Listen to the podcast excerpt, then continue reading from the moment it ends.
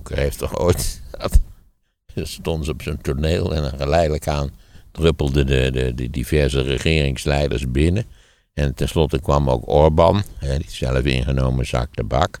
En toen zei, toen zei Jonker, die zei, ah, de kleine dictator.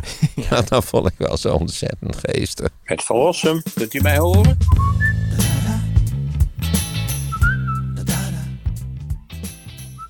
Ja, ik, heb, eh, ik ben natuurlijk helemaal geen tv-kijker, dus ik kan mij ook niet Behalve zo... CNN.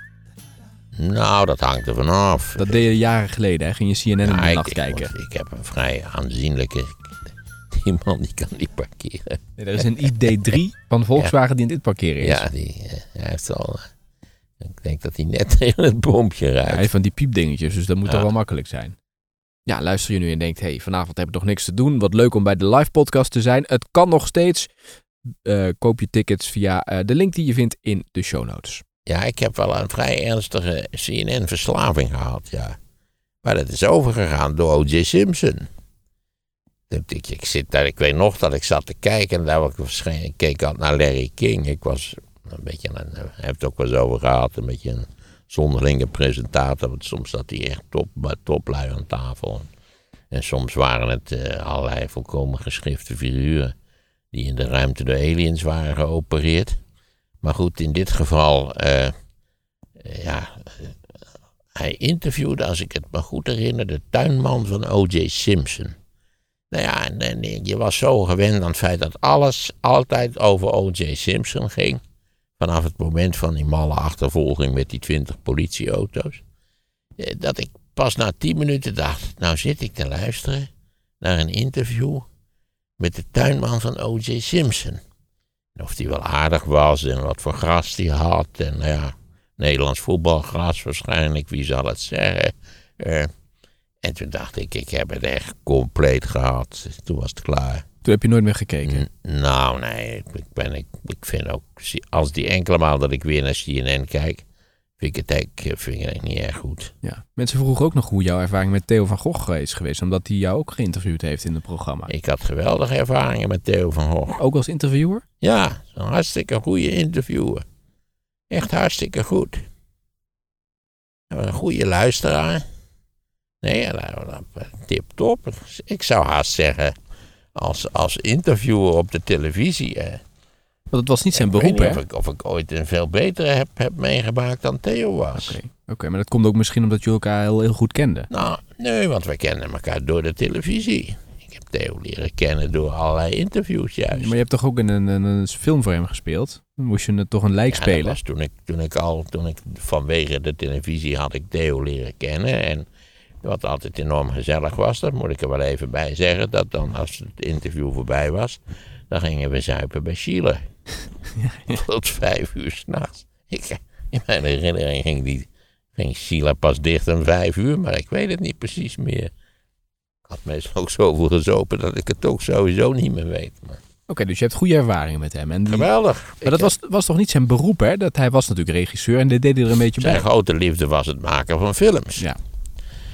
Eh, maar ja, daar heb je geld voor nodig. Dus eh, ik geloof dat hij aanzienlijke bedragen verdiende bij de tv. Want hij deed ook zo'n show en had iets in een zwembad en zo. Ik weet allemaal niet wat. Ik heb voornamelijk interviews met hem gedaan daar bij AT5 in dat, in dat gebouwtje in Amsterdam. Eh, en hij stak dat geld deels in het maken van films. Ah. Dus dat was een beetje noodzakelijk om een andere hobby of een andere passie Ja, te ik heb maar financieren. een paar films, hij heeft vrij veel films gemaakt. Ik heb maar een paar films heb ik gezien. Van die telefoonfilm, die vond ik wel goed. Dat was echt goed gedaan. Ja. Maar ik denk toch dat, dat zijn, zijn probleem was dat hij, dat hij een fanatieke filmmaker was, maar tegelijkertijd er ook voldoende van afwist om, dat, om te weten dat hij ook niet, dat, dat hij ook niet die internationale top was op dit terrein. En dat kon hij ook niet door hard werken bereiken. Ja, dat weet ik niet precies. Ik heb natuurlijk weinig ervaring met het maken van films. Het is een enorme lastige klus. Ik vond hem trouwens ook in die. Nou, ik heb dus één dag met hem gefilmd voor, die, voor een film, een televisiefilm. Die overigens een gouden kalf won. En bepaald niet vanwege mijn bijdrage. Laat ik dat eerlijk zeggen. Dit was het lijk daar, toch? Wat? Was je niet een lijk? Moet je, moest je Nee, ik was geen lijk. Nee, nee, nee, nee. Ik had een vrij, vrij omvangrijke sprekende rol. Want ik was een verzuurde burgemeester. Oh, dat was het inderdaad. Ik Ja. was een verzuurde linkse burgemeester. ja, dat heb je al eens verteld. Ja. Meesterlijk getypecast, dat Ja. moet je toch zeggen. Van welke stad? Een fictieve stad? Van. Haarlem. Oh, van Haarlem, oké. werd ook opgenomen in Haarlem. In dat prachtig stadhuis in Haarlem. Had je ook zo'n ketting om? Ja, volgens mij had ik ook zo'n ketting om. Ik weet, dat weet ik niet precies meer. Maar hij deed het helemaal niet goed en zo. Het, het, eh, eh, nou ja, ik, Je had toch een tekst gekregen en had je gezegd, kan ik het niet gewoon uit ja, mijn ik hoofd had doen? die tekst uit mijn hoofd geleerd en dat ging helemaal niet. Dus je zei, kan ik niet zelf iets verzinnen? Ja, daar had Theo geen enkel bezwaar tegen. En, en ik vond hem juist ook als regisseur. Want je weet dat, dat, dat, dat daar is natuurlijk ook een enorme verleiding om te gaan schrijven, omdat iedereen het niet goed doet. En vergeet niet, je bent zo'n hele dag bezig, echt van, van negen uur 's Met een hele crew. Tot precies met, met eh, broodjes en weet ik hoeveel van die acteurs erbij. Nou, enzovoort, enzovoort. Nou, ik vond dat, dat, dat wat er raakte wel degelijk, raakte men ook wel wat geïrriteerd naarmate de, de middag vorderde. En, eh, maar Theo niet hoor, die bleef echt, eh, bleef rustig, eh terwijl, je weet, hij zocht altijd de confrontatie en kon hem niet wild genoeg zijn allemaal. Maar daar niet, niet. Maar niet als Ah, regisseur. grappig. Hij was altijd heel zenuwachtig voor de premières ook, hè? Enorm. Ja, echt enorm. Wat deed hij dan? Ja, dan stond hij. Ja, ik heb natuurlijk, dat heb ik maar één of twee keer meegemaakt. Dan, eh, dus je zat, er zat dan een vrij volle bioscoop en de film zou dan voor het eerst eh, ja, aan het publiek gedraaid worden. En hij liep dan voor het, voor het publiek, liep hij nerveus heen en weer. Zo van, oh jee, oh jee, wat gaat er gebeuren? Ja, dat, dat, dat was bij die film waar ik dus in gespeeld had. Had ik al verteld dat mijn dochter zei na afloop van... Dat moet je nooit meer doen. Je zag er raar uit, toch, vond ze? Oké, Ik weet het niet. Maar ze vond mij geen groot acteur. laten we even een klein stukje luisteren eh, om even een beeld te krijgen van hoe dat ging. Eh, interview Theo van Gogh, Maarten van Rossum. Is dat misschien dan, eh, om het maar even met enige driestuiver psychologie te duiden, het kleine jongetje op het schoolplein dat gepest werd en zich moest verdedigen? Nee, ik geloof niet dat het daarmee te maken heeft. Voor zover dat in mijn psychologische make-up een rol speelt, is het meer dat ik mensen en hun gezamenlijke emoties eigenlijk nooit vertrouw. Hoe komt dat? Nou ja, omdat ik eh, deze ongelukkige ervaring heb opgedaan. Heb je zo'n Die overigens ook niet moeten overdrijven. Heb je zo'n verdrietige jeugd gehad? Nee, nee, dat is absoluut onwaar. Dat is absoluut niet zo. Maar ik, ik werd door andere kinderen beschouwd als iemand die anders was. Daar hebben kinderen een feilloos gevoel voor. Ik vond het natuurlijk heel vervelend, want mensen zijn enorm conformistisch en willen er graag bij horen en meedoen en zo. Maar ja, Maar was je een jongetje dat van zich afbeet? Of liet je het gelaten over je heen komen? nee, ik was niet zo'n erger van me afbijter, nee. nee. Dus kan ik zeggen dat je nu alsnog wraak neemt op de grote wereld om wat je toen is aangedaan? dat zo. Je mag er alles van bakken wat Nee, maar je wat wilt. vind je daarvan? Of is het onzin? Volgens mij is dat volstrekte onzin. Waarom? Oh, omdat het lang geleden is en omdat ik. eh, om, om, omdat het hele theorie die, die zegt dat de mens eigenlijk in zijn eerste levensjaren psychologisch definitief gevormd wordt. Of eh, gebroken? gebroken of gemaakt, Ja. wat je wil. Daar geloof ik geen hout van. Ik geloof dat eh, in zekere zin over, een, over een veel grotere stukken van het leven allerlei veranderingen mogelijk zijn en aanpassingen. Ben jij veranderd? Wist Ja, in zekere zin wel, ja. Wanneer ben jij over de dood gaan nadenken? Nou, eigenlijk op het moment toen ik mijn leeftijd met twee vermenigvuldigde en eh, de som, eh, daar, het resultaat van de vermenigvuldiging hoger was dan de gemiddelde levensverwachting van de Nederlandse man. U was rond de 38, 39. Ja, ja. Ik geloof dat je dan zo, hè, dan ben je 60 76 en je plotseling realiseert de helft zit erop, terwijl je dan natuurlijk nog betrekkelijk jong bent. Nou, het linkje naar het hele fragment hebben we in de show notes bij deze podcast opgenomen. Dus als je daarop klikt, kun je na het luisteren van deze podcast eh, dat hele interview terugkijken. Hey, ik eh, had nog een ander onderwerp waarvan ik dacht, daar heb jij vast wel wat mee. Ursula van, Ursula van der Leyen, de VDL, die zit er duizend dagen nu. Oh, kijk eens aan. Nou ja, je weet dat de voorzitter van de commissie eh, dat die eigenlijk nooit iets goeds kan doen. Dat geldt natuurlijk voor haar ook. Maar mijn indruk is dat ze het eigenlijk niet zo heel erg slecht doet. Nee, ze kreeg een heel positief commentaar in de Volkskrant, die een portret over haar hebben gemaakt. Schijnbaar zeggen de Amerikanen tegen haar, ze is de com- commander-in-chief, de Europese opperbevelhebber. En ze weten nu eindelijk wie ze in Europa moeten bellen als ze iemand eh, nodig hebben. Nou ja, dat is natuurlijk maar weer een heel dubieuze redenering, omdat natuurlijk de opperbevelhebber van de, van de Europese Unie, dat is natuurlijk niet de commissie, dat is de raad.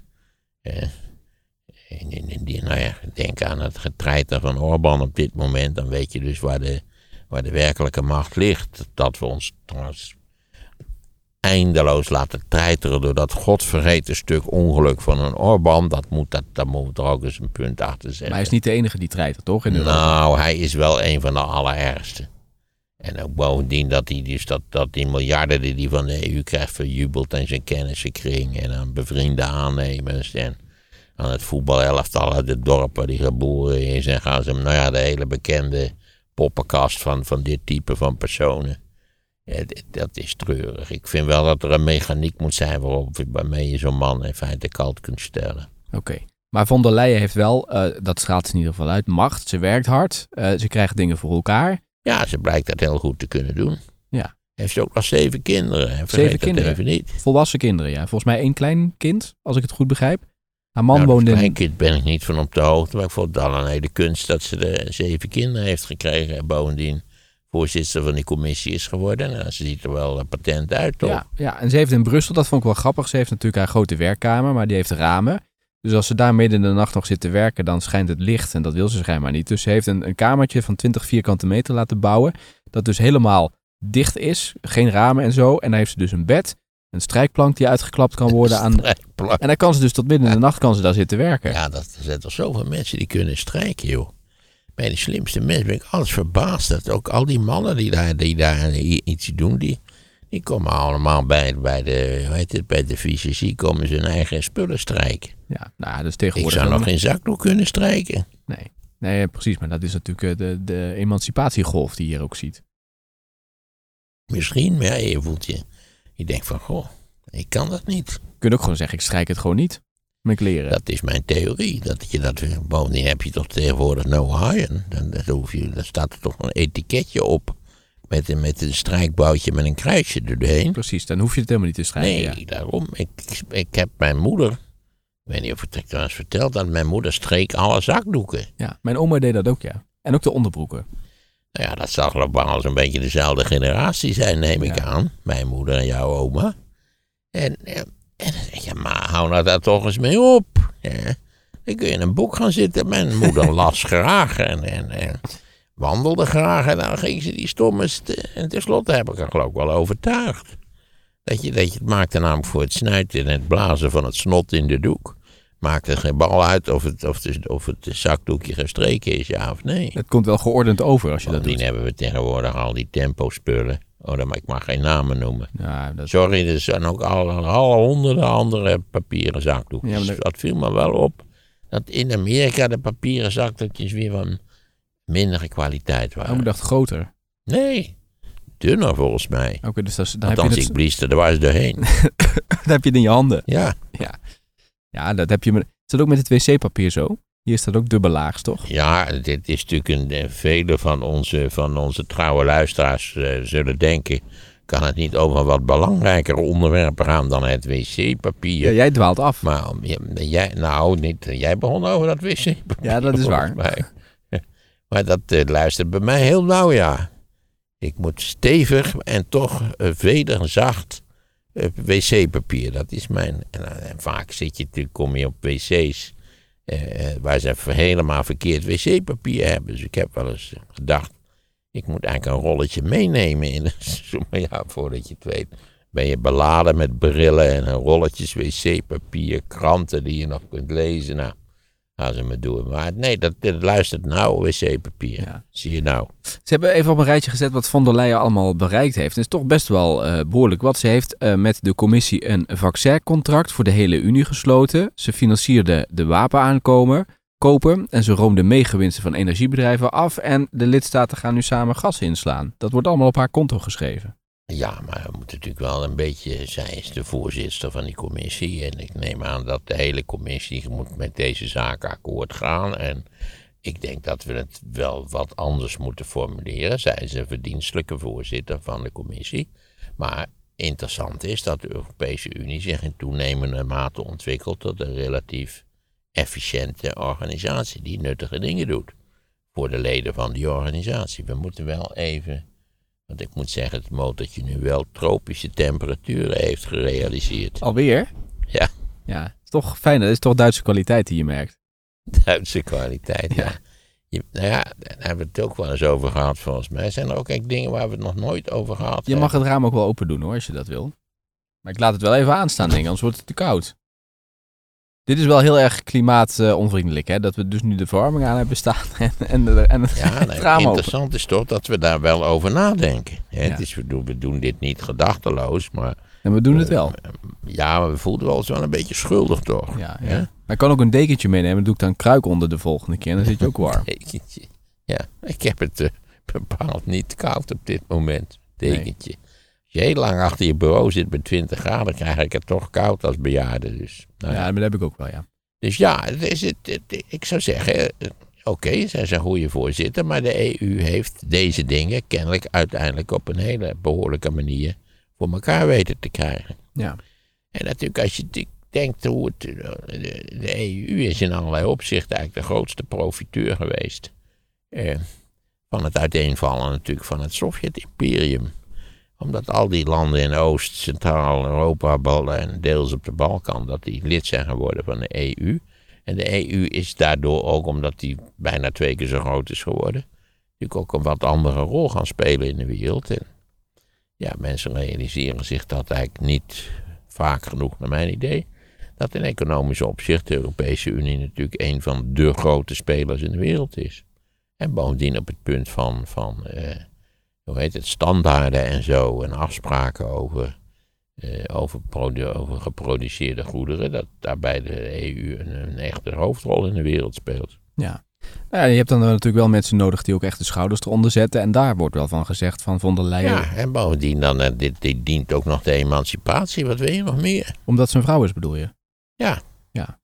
Ik denk dat Merkel daar natuurlijk een belangrijke C nog in heeft gehad eh, op het moment van de benoeming. Maar ze heeft het met het, op het nippertje heeft ze het gered, hè? In 2019, von der Leyen. Volgens mij had ze negen stemmen eh, meer dan dat ze minimaal nodig had. Ah, nou, oké. Nou ja, ik neem aan dat Macron en Me- Merkel het erover eens waren, want anders was het niet gebeurd, neem ik aan. Ja. En ook al de, Dat zijn natuurlijk de enige twee landen die echt eventueel een veto zouden kunnen uitspreken. ja. En ook veel meer eh, vrouwen in die commissie, hè? Naast haar. Dus daar heeft ze ook wel voor Nou ja, god, eh, we, we zullen daar eh, sowieso zal zullen met name de generaties onder mij, ver onder mij. Ik ben eigenlijk nog helemaal uit de oude doos in allerlei opzichten. Als je kijkt naar dat, eh, het, het frappante, grotere succes- succes van vrouwen in vrijwel elk opleidingsniveau in onze samenleving, dan kun je wel eh, uitrekenen hoe dat er over een jaar of veertig uitziet. Ja, ik vond het wel interessant, want Rutte komt ook in dat stuk aan het woord. En ehm, Rutte die zegt, ze wordt onder andere geprezen om de manier waarop ze eh, vergaderingen leidt. Eh, en daarbij werd het vergelijk gemaakt met Jean-Claude Juncker. Die begon altijd met een grap en een wat flauwe opmerking. Zij begint heel stipt met een PowerPoint-presentatie, praat iedereen bij met de laatste informatie en vertelt dan eh, waar we het over gaan hebben. En Rutte zegt, dan is eigenlijk iedereen on the same page. Iedereen weet waar ze aan toe zijn. Ja, nou, hartstikke leuk, maar ik vond Jonker ook wel leuk hoor. Jonker heeft toch ooit. Stond ze op zo'n toneel en geleidelijk aan druppelden de, de, de diverse regeringsleiders binnen. En tenslotte kwam ook Orbán, die zelf ingenomen zak tabak. En toen zei, toen zei Jonker, die zei, ah, de kleine dictator. Ja, dat vond ik wel zo ontzettend geestig. Ja. Maar er wordt wel van Juncker gezegd, van die zat er meer voor zichzelf dan dat hij er zat om Europa verder te helpen. Ik weet niet of eh, dat, ik, dat durf ik niet te zeggen. Dat, want, eh, bij dit soort van figuren zie je toch vaak pas dat als, als de, de geschiedenis geschreven wordt en, en de archieven gaan open. En je ziet dus een beetje wat er achter de schermen gebeurd is en hoe dat behandeld is. Belangrijke kwesties, dan zie je pas wie echt goed was en wie niet. Maar hoe zou jij Juncker dan omschrijven? Want die zat er natuurlijk voor. Ik heb een vermoeden dat hij bepaald niet slecht was als voorzitter van Nee? de Maar waar, commissie. waar baseer je dat op dan? Pure gut feelings, zoals dat oké. zo treffend heet. Oké, ik denk dat Jeroen Dijsselbloem daar heel anders over denkt. Dat zou kunnen, maar die heeft ook wel een paar lelijke blunders gemaakt. Hè? Met name dat zuipen en achter de wijven aanjagen van al die, van al die Zuid-Europese naties. En hij heeft ook nog een dat, opmerking gemaakt over Juncker daarover. Hè? Hij heeft ook gezegd, die zuipt alleen maar volgens mij. ja, dat was allemaal niet verstandig. Hmm, Oké. Maar wat ik wel uh, ook interessant vind, is dat zij dus ook zegt van we hebben het internet hebben we ontregeld in die vergaderzaal. Zodat uh, in ieder geval de commissieleden, de commissarissen... Niet dat de hele tijd op hun telefoon Precies. kunnen kijken. Nou, daar zit wel wat in. Dat jaag ik van harte toe. Kunnen ze dat in de Tweede Kamer ook niet doen? Ja, want als je ooit een beeld ziet van de Tweede Kamer, zitten ze altijd op die telefoontjes te koekeloeren. Ik vind ook dat in scholen, ik begrijp ook niet zo erg waarom dat niet overal vanzelfsprekend gebeurt. In de klas geen smartphone, sorry. Eh, je levert die rommel in, wat mij betreft, bij de amanuensis. Als je s ochtends binnenkomt, je neemt het liever, lief, en liever niet helemaal niet mee naar school. Maar het is toch te gek voor, voor, voor woorden dat die kinderen voortdurend op die smartphone zitten te tiktokken. Ja. Ja, eens. Terwijl ze behoorlijk moeten leren lezen en schrijven. Ja. Een steeds grotere groep in Nederland is praktisch aan, hoe heet dat, functioneel analfabeet. ja. Dat is toch een droevige zaak aan. Maar je ziet het toch ook heel veel op. eh, de- de- de- jij noemt nu de kinderen, maar de volwassenen zijn niet veel beter. Wij zitten zelf natuurlijk toch ook constant op die dingen in zalen. Als jij presentaties geeft, zie je dan niet de schermpjes oplichten van mensen die eh, iets anders aan het doen Een zijn? enkele maal wel, ja. En als ik het zie, dan zeg ik er iets van. Hmm. Dus Hmm. wat, waar ze naar zitten vragen, waar zit u naar te kijken? En, eh, waarom vindt u dat belangrijker? En Vindt, bent, vindt u het niet vrij stom dat u 30 piek betaald heeft om naar mij te gaan luisteren en dan vervolgens gaat zitten tiktokken, bij wijze van spreken? Ja, daar zeg ik wel iets van. Ja. Ik was op de WAN Conference, dat is een eh, conferentie over cyberveiligheid. En daar was Chris Janssens van EZK, die minister. En die was daar een verhaal aan het vertellen. En al, al dat publiek zat op de telefoontjes. Er was niemand ik- aan het luisteren. Ah, het was een waardeloos verhaal. Nou, het was opgelezen, dus mensen dachten van dit geloven we wel. Lees nooit wat op. Ik bedoel, als je nou toch één advies mag geven, ook aan onze geliefde luisteraars. Mocht u ergens moeten spreken, lees het niet op, draag het voor. Ook als u het eng vindt, de eerste paar keren is het eng om het uit het hoofd te doen. Maar als u het eenmaal onder de knie heeft, als u eenmaal weet, gewoon lekker doorlullen. Die zinnen hoeven niet allemaal grammaticaal perfect te zijn. U mag best eens zoeken naar het juiste woord. Dat wordt, daar wordt veel beter naar geluisterd dan naar voorlezen. Want ik zag. Als je ooit een voorlezer aan het werk hebt gezien, dan weet je dat de zaal vaak de eerste vijf minuten nog wel moeite doet om het, om het te volgen. Maar een voorgelezen tekst is ook een geschreven tekst. Ja. En een geschreven tekst zit heel anders in elkaar dan een gesproken tekst. Hmm. Dat zijn twee volkomen verschillende dingen. Want ik zag die Christiaans een paar weken later bij de ECP. Daar deed ze het uit het hoofd. Dat was een wereld van verschil. Dat was veel leuker en beter Kijk, om naar te luisteren. Heb je er gecomplimenteerd achteraan? Ja, dat, eh, daar heb ik de kans niet toe gehad. Maar papier is natuurlijk, eh, juridisch dekt dat alles af, hè? Alle risico's zijn dan afgedekt natuurlijk. want heeft niemand vooraf naar ja, gekeken. Nee, ja, tuurlijk, ja. Ik, ik, eh, waarschijnlijk zou ik allemaal dingen zeggen waar de voorlichter zich doodongelukkig bij voelde. Maar so what? hè? Ja. Ja. Ik zou zeggen, Ik maak ook wel eens podcasts en dan moet dan, eh, eh, dan moet het, alles wat gezegd wordt, dat moet tot een script gemaakt worden. Hè, dus dan wordt dat op papier gezet en dan moet daar een compliance afdeling naar gaan kijken. Dat is toch verschrikkelijk. Dan, ben, je, moet- dan ben je toch als bedrijf ook niet goed snik. Ja, maar ze willen alle risico afdekken. Dan moet je geen podcast houden. hè. Dan moet je gewoon eh, inderdaad een, een twee A4'tjes tekst op papier, dubbele regelafstand en die leest de directeur dan voorzittend achter zijn bureau. Heb je nog Ja. bij, bij von der Leyen Sofagate meegekregen met Erdogan toen? Ja, zeker. Dat ze met Michel daar naartoe gingen en er waren er maar Ja. twee stoelen. Ja. En, toen moest zij ja. plaatsnemen op zo'n sofaatje. Dat weet ik nog, ja. Nou ja, van Erdogan kun je alles verwachten natuurlijk. Ook zo'n ontspoorde gek. Dat is ook ook zo'n man die... Toen hij begon was hij progressief en hij zou Turkije... en juist omdat hij ook wel voeling had met het religieuze deel van de bevolking... was het een hele aardige mix en het zou allemaal gemoderniseerd worden. En we hadden toen nog het idee van hij mag best lid van de Europese Unie worden... Nou ja, één ding is zeker dat we bij God Turkije niet onder leiding van Erdogan ergens bij willen hebben. Hè? Vervelende brokkenpiloot. Hè? Met een economisch beleid wat hem. Hij heeft verkiezingen, denk 23, dus dit nou nog. Ik, ik wou zeggen dit jaar, maar dat is nog. We hebben nog een paar dagen te gaan in het oude jaar. Eh, ik hoop dat hij afgestraft wordt. Ik geloof, wat was het? De inflatie is 80% in Turkije. Ja. Vanwege die halfgare ideeën die hij heeft over de economie. Ja, maar de lobbymachine draait op volle toer, ook hier in Nederland, hè, voor de mensen die hier mogen stemmen op hem. Ja, ja, nou ja, goed. Maar von der Leyen heeft daar later nog, is ze daarop teruggekomen in een speech. Hij heeft ze Michel van eh, seksisme eh, beschuldigd. Oh, oh jee. Vanwege dit voorval, die Sofagate. En daar zeggen mensen in Ja. Brussel wel van, dat is niet helemaal netjes. Dat had ze eigenlijk niet moeten doen. Maar die Michel die durft nu niet meer zo goed naast haar te staan in openbare Ja. optredens, begreep ik. Maar feit is dat zij natuurlijk veel belangrijker is dan Michel. Ja. Ja, ja. Is toch een beetje, ook een beetje een loopjongen. Is mijn indruk in ieder geval. Wat vind jij nog van artikel 122 van het Europees Verdrag trouwens? Vind je dat die eh, met dat, dat houdt dus in dat eh, in noodsituaties het parlement buitenspel gezet wordt? Bijvoorbeeld in het geval van corona, dus dan heeft Europa nou ja, nog wat meer macht. Ben je het daarmee eens? Nou, dat is hoogst ongelukkig. Het zou natuurlijk nuttig zijn als het parlement een echt parlement was, maar het is geen echt parlement. In de zin dat het beperkte bevoegdheden heeft. Ja, daar kun je kort en lang over zeuren. Ik zou, zou het op prijs stellen als het een normaal echt parlement zou worden. Maar dat zal het niet worden. En je begrijpt ook wel hoe dat komt. Omdat met name de raad, namelijk de diverse regeringsleiders, die willen natuurlijk en er, er was natuurlijk een tijd dat het leek alsof de Europese gemeenschap trende, de trendontwikkeling was dat, dat de commissie en zo, dat die, dat die een heel dominante rol speelde. Eh, denk natuurlijk aan, eh, god hoe heet onze, onze geweldige Fransman in de tijd die natuurlijk eh, in feite de EG weer uit de modder getrokken heeft. eh. Niet Chirac, hè? nee, niet Chirac natuurlijk niet. Nee. De goal. Nee, nee, nee, nee, nee, Oh. nee, nee, nee, nee, nee. Nee, de Gaulle heeft geen gunstige invloed gehad op de Europese gemeenschap. Wat hij ook bepaald niet wou.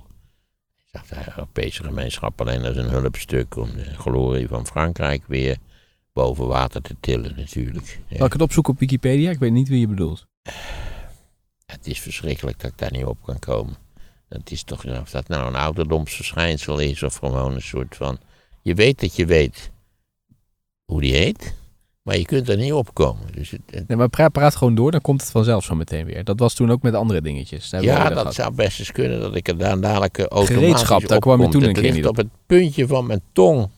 Werkelijk. Geweldige man in allerlei opzichten. Die een, een hoofdrol heeft gespeeld eigenlijk in de verandering, in de transformatie van de, van de, ook van de gemeenschap naar de Europese Unie. Eh, nu draai ik alsmaar om me heen kan ik er niet opkomen. Is wel, die mensen thuis zitten natuurlijk nu te roepen: het is die en die en die. Dat, en, en dan is het toch, hoe is het mogelijk dat die hem daar niet op kan komen? Dat, dat soort van dingen. Eh, maar nu ben ik alleen maar vergeten. Ja, die, die, de, trend was dus dat de commissie steeds belangrijker werd. Maar de, op een goed moment.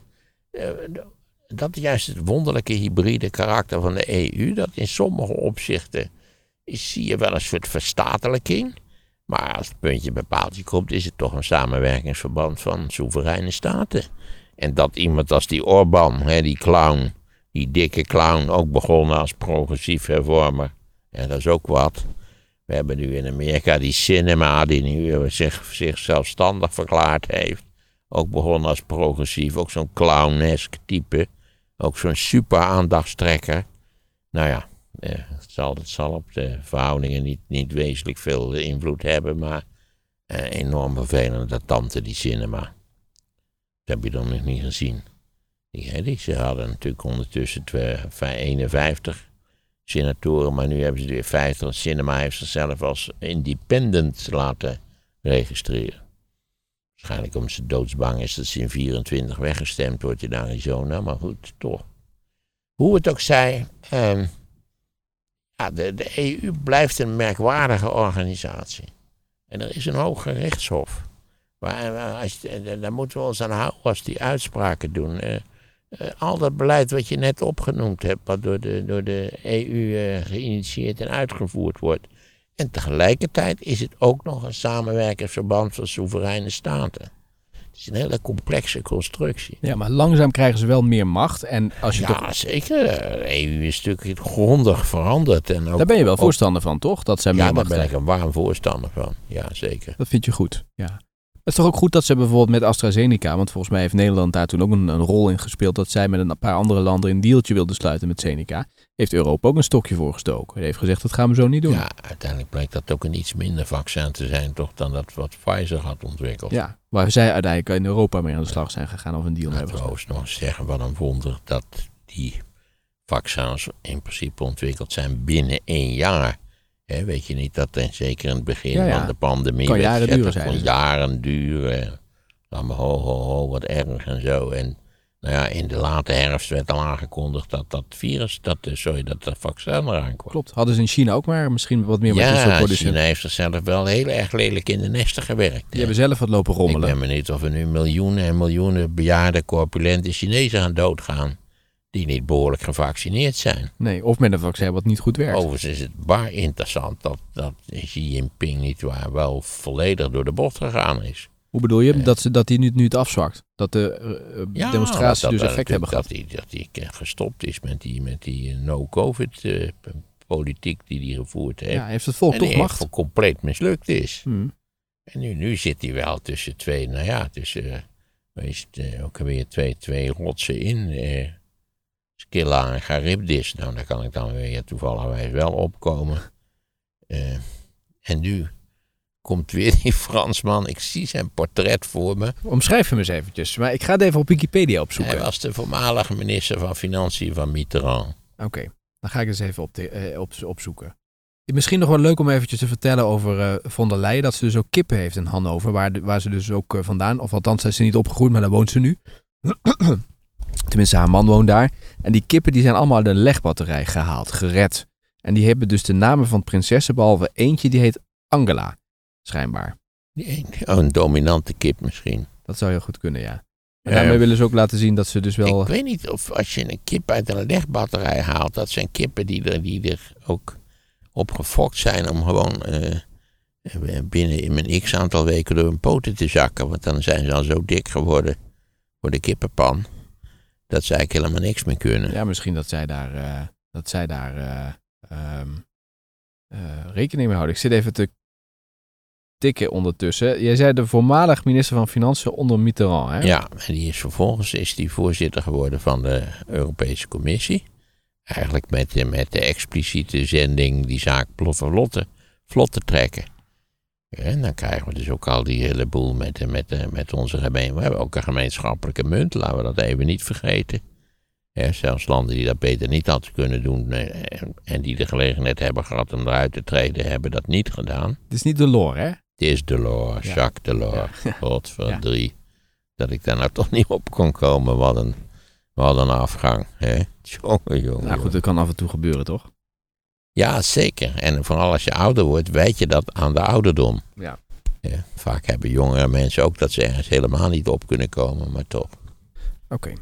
Nog een mooie quote uit eh, eh, Politico. Die zegt van ehm, eh, von der Leyen, dat is eigenlijk de Europese Amerikaanse president. Dat schrijven zij iedere keer op.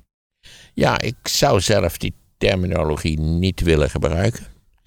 Eh, eh, om het, al was het maar omdat allerlei haters van de EU dan gaan roepen dat, zo, dat het een onderdrukkend systeem is en dat we helemaal geen president hebben. Zij is de voorzitter van de Europese Commissie en de Europese Commissie is een uitvoerend orgaan wat in feite werkt op basis van akkoorden die door de Raad zijn gesloten. Zo zit het in elkaar. Hm. Hè, vandaar ook dat het eigenlijk veel democratischer is dan iedereen altijd beweert. Want als Rutte daar in Brussel iets, iets bepaalt, of hij stemt mee bij een bepaald voorstel, dan dient hij dat ook in principe te verdedigen in onze Tweede Kamer. En als de Tweede Kamer zegt bij Rutte, je bent ver buiten je boekje gegaan, wij willen dat helemaal niet, dan moet hij terug. Maar meestal weet hij wel zo'n beetje wel hoe groot zijn mandaat is. En wat wel en wat niet kan. Maar nogmaals, het is, de, het is de raad die soeverein is. Als je dan toch van naar een soeverein zoekt. Daarom vind ik het ook niet verstandig om van een Europese president of zo. Ja, à la Michel, die is dat toch helemaal niet. Nou, van der Leyen gaat waarschijnlijk in 2024 voor een tweede termijn. Dat zijn in ieder geval de verwachtingen die nu... eh, Nou, die zal ze dus wel krijgen, denk ik. Dat denk ik ook, ja. Ja, dan hebben we Gijs uit Amsterdam en die eh, wil weten, wat is toch een santekraam? Je gebruikt dat woord heel veel. Wat is dat, een santekraam? De Santekraam zijn alle heiligen, de Sinten, de. de, de- ja, de Rooms-Katholieke Kerk had één enorme Santekraam. Hoe- hoeveel heiligen waren er niet? Er zijn toch heiligen overal voor. Er zijn heiligen voor schoenveters en er zijn heiligen voor achterlichten. En er zijn heiligen voor de schippers en er zijn heiligen voor de pontveren. Nou ja, gaan ze maar door. Dat is de Santekraam. Maar hoe, Het is een ouderwets begrip. precies, maar hoe bedoel je het dan in de context? Want je zegt wel eens van de hele zante kraam. Nou, het is dus metaforisch. Dus dat betekent dat je, dat je iedereen die bij iets of, of, of wat dan ook maar betrokken is, hoort tot die hele zante kraam. Dus het, is een, een- het heeft een aan metaforisch een, een, wat ruimere generaliserende betekenis gekregen. Maar het Ja. slaat santen, hè, sinten, eh, dat zijn heiligen. Oké, grappig. Ja, mijn oma gebruikt ook altijd dat woord zante kraam.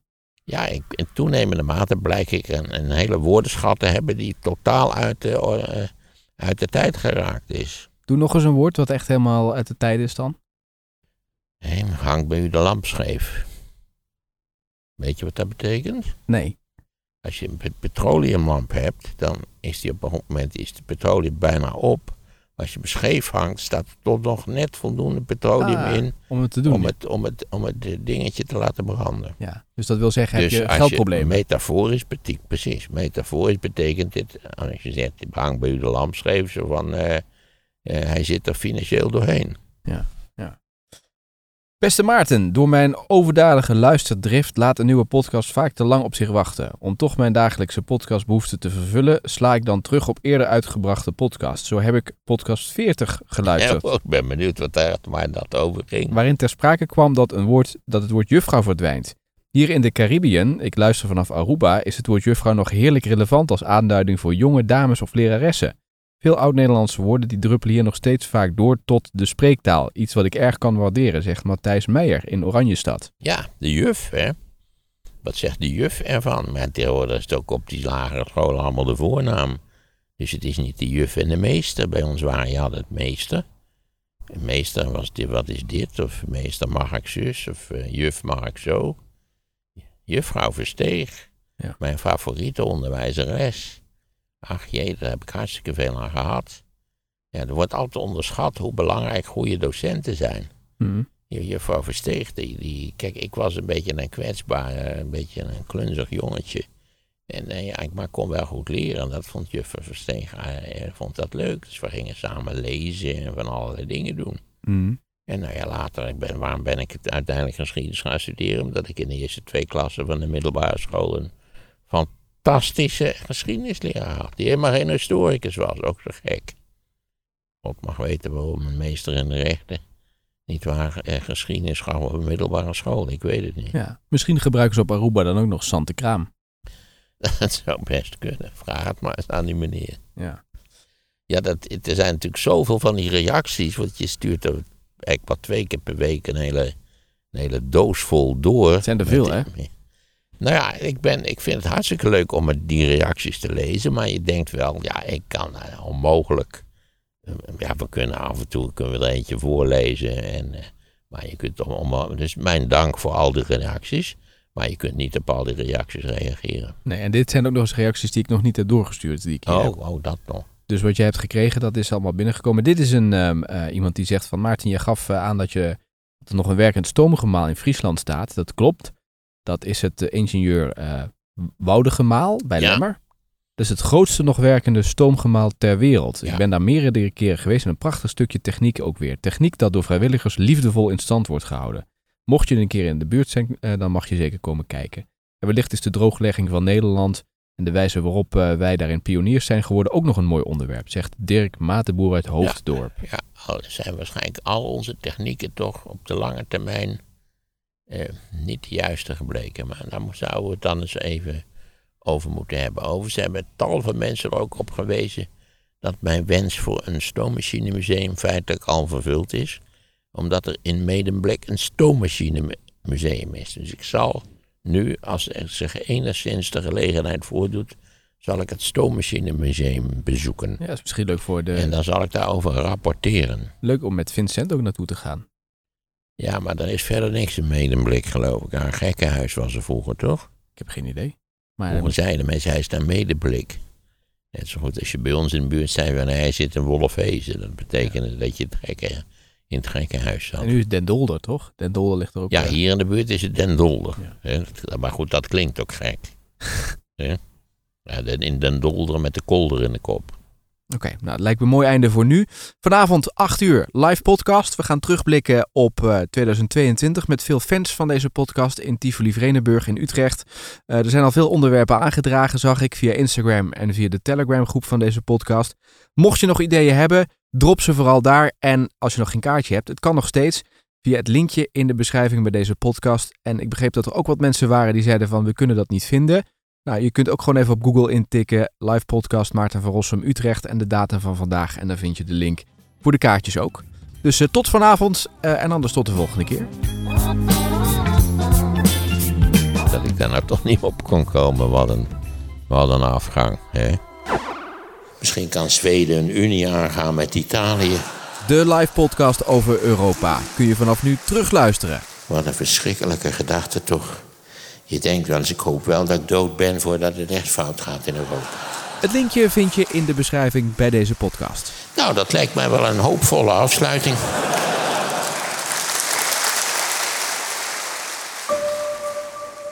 Institutioneel racisme beperkt zich niet alleen tot het ministerie van Binnenlandse Zaken. Het gebeurt overal, waarschijnlijk ook bij jouw bedrijf. Ik sprak daarover met Barry. Hij heeft het meegemaakt bij Mediamarkt. Hij vertelt zijn verhaal in de podcast Sea Level. De link vind je in de beschrijving bij deze podcast.